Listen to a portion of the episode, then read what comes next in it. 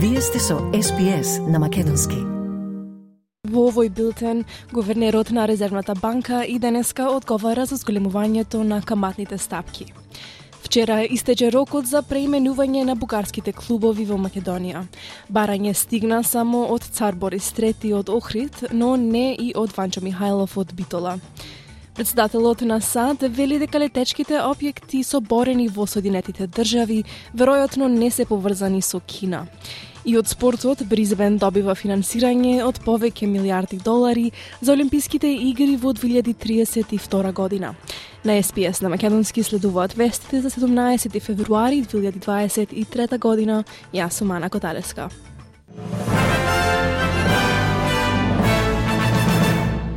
Гувернерот на Резервната банка го бранеше агресивното зголемување на каматите стапки на Централната банка, како одговор на највисокото ниво на инфлација во земјава од 1990 година. Доктор Лоу денеска пред парламентарна комисија изјави дека стапката на инфлација од 7,8% во декемвриското тромесечие се уште е цитат премногу висока. Гувернерот рече дека ќе бидат потребни повеќе зголемување на каматните стапки во наредните месеци. Тој вели дека медиумите се фокусираат на тоа што каматните стапки се менуваат, а не на самата процентуална промена. So when we're changing them each month, that gets a lot of coverage, and people, um, as you know, people focus on it uh, incredibly strongly. If you if we moved up just in one step, probably wouldn't have that same focus. Uh, the, I think, from my from my perspective, the more important argument is the world's uncertain, and when it's uncertain, it's better to move consistently and predictably, uh, and rather than in uh, big steps. Um, different people will, will have different views on that. Топлотен бран се очекува денеска да зафати поголем дел од земјава, а пет австралиски држави се во состојба на висока готовност. Предупредувања, вклучително и предупредувања за големи пожари се издадени за делови од Новижен Велс, Викторија, Јужна Австралија и Тасманија. Станбени и индустријски имоти веќе беа уништени во Јужна Австралија, откако пожар избувна во Порт Линкен. Иако денеска таму се очекува максимална температура од 25 степени, сепак на жителите им се советува да останат во затворени простори, бидејќи опасниот чад се уште е присутен во областа. Целосни забрани за пожари се на сила за централниот и североцентралниот дел на Викторија, каде се очекува температурите да достигнат 38 степени во Мелбурн и до 42 степени во Милдура. Високи температури се очекуваат и за Нов Южен Велс, а државата најверојатно ќе го доживее еден од најжешките летни денови досега. Властите ги истражуваат околностите за смртта на двајца работници во рудникот за цинк во северозападниот дел на Квинсленд. 33 годишниот Дилен Лангридж и 36 годишниот Тревор Дейвис управувале со камион во рудникот Dugald Рива во близина на градот Клонкери во средата 15 февруари, кога земјата под нив потпуштила и тие паднале во бездна. Двајцата беа пронајдени починати и извлечени вчера попладне. Полицијата потврди дека независниот регулатор за безбедност на работниците Resources Safety and Health Queensland го истражува инцидентот. Ке биде изготен извештај за судскиот вештак. Советот за рак на Нофижен Велс разви брошури за ресурси за членовите на LGBTQI заедницата, за да осигура дека информациите за рак се соодветно насочени кон нивните потреби.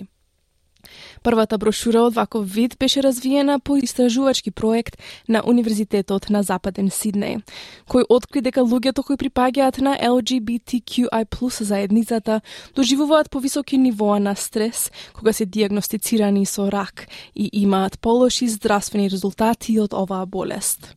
Брошурата, која ќе биде официјално промовирана оваа недела на карневалската прослава Марти Гра во Сидне, дава совети за пациентите и нивните најблиски, вклучително и за тоа како да се справат со дискриминацијата, промените на начинот на кој го гледаат своето тело и за проблемите со интимноста и плодноста.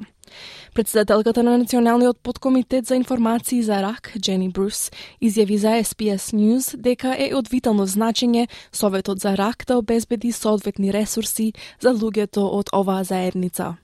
rates of distress after a cancer diagnosis are three to six times higher for LGBTQI plus people than for the general population.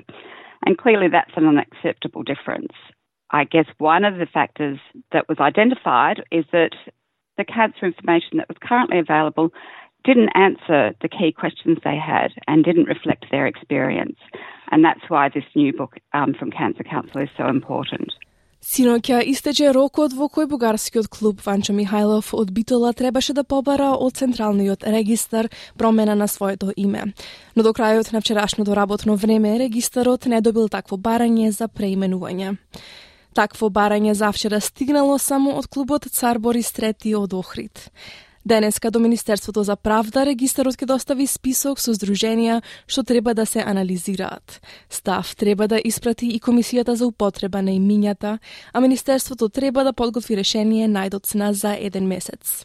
Премиерот Димитар Ковачевски вели дека клубовите кои нема да ги сменат имињата ќе бидат избришани од регистарот. Има временски период за усогласување на имињата со со новиот закон оние кои што тоа го направиле ќе продолжат да работат согласно законите, оние кои што тоа не го направиле согласно законите нема да продолжат да работат. Некои медиуми информираат дека владината комисија во понеделник ќе заседава, а на состанокот ќе се разгледаат и предлозите за ново име на клубот Цар Борис III. За сега не е познато колку предлози се во игра, ниту кои се имињата.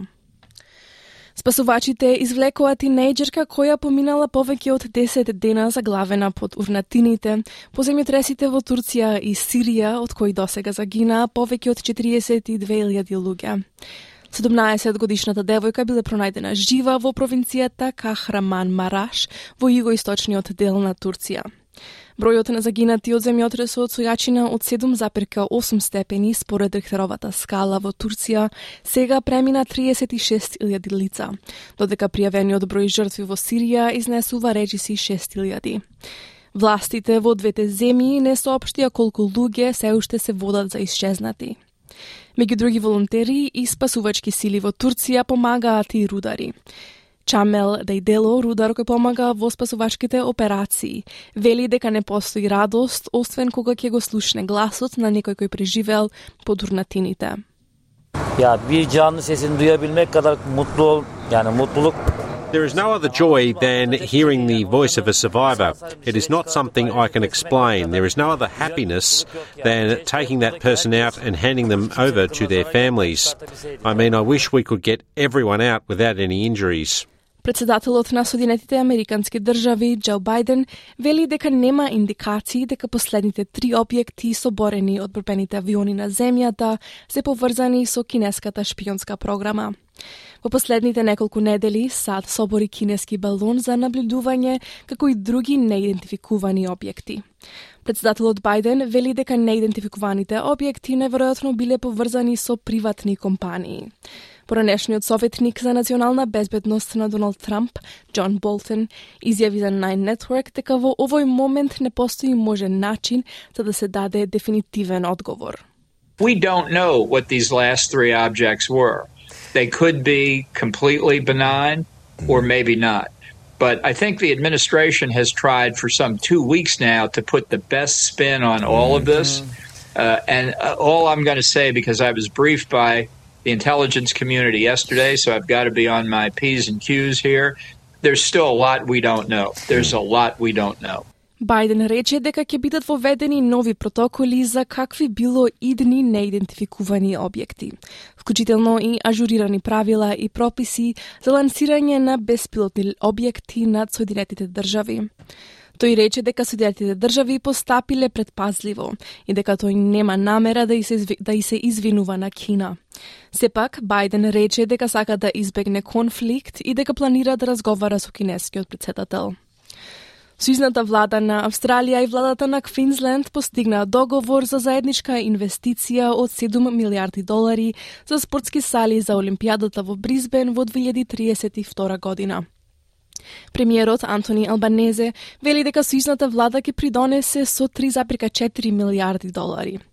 Финансирањето ќе се користи за надградба на постоечки стадиони, вклучувајќи го и стадионот Габа во Бризбен, како и спортски сали кои ќе се користат за различни дисциплини. Господин Албанезе за радио 4BC рече дека Олимписките игри ќе придонесат кон поголема економска активност и повеќе посетители во Бризбен. This will leave a really lasting legacy uh, for Queensland. And it's a, it's an investment, but it's an investment that will produce a return with increased economic activity, increased visitors uh, there. Uh, Queensland's such a fantastic tourist destination, and this will really showcase the state.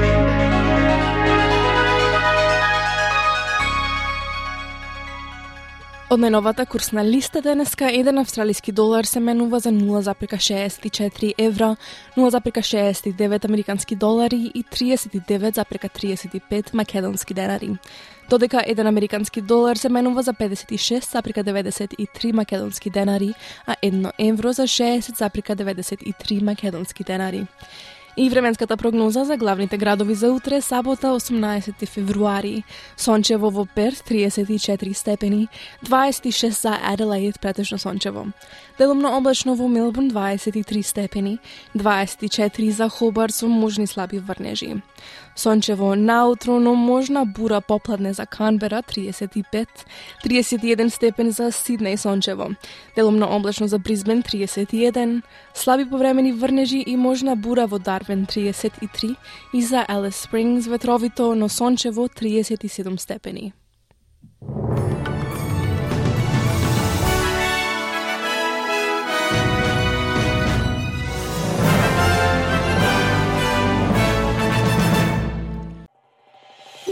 Сакате ли да чуете повеќе прилози како овој? Слушате подкаст преку Apple Podcasts, Google Podcasts, Spotify или од каде и да ги добивате вашите подкасти.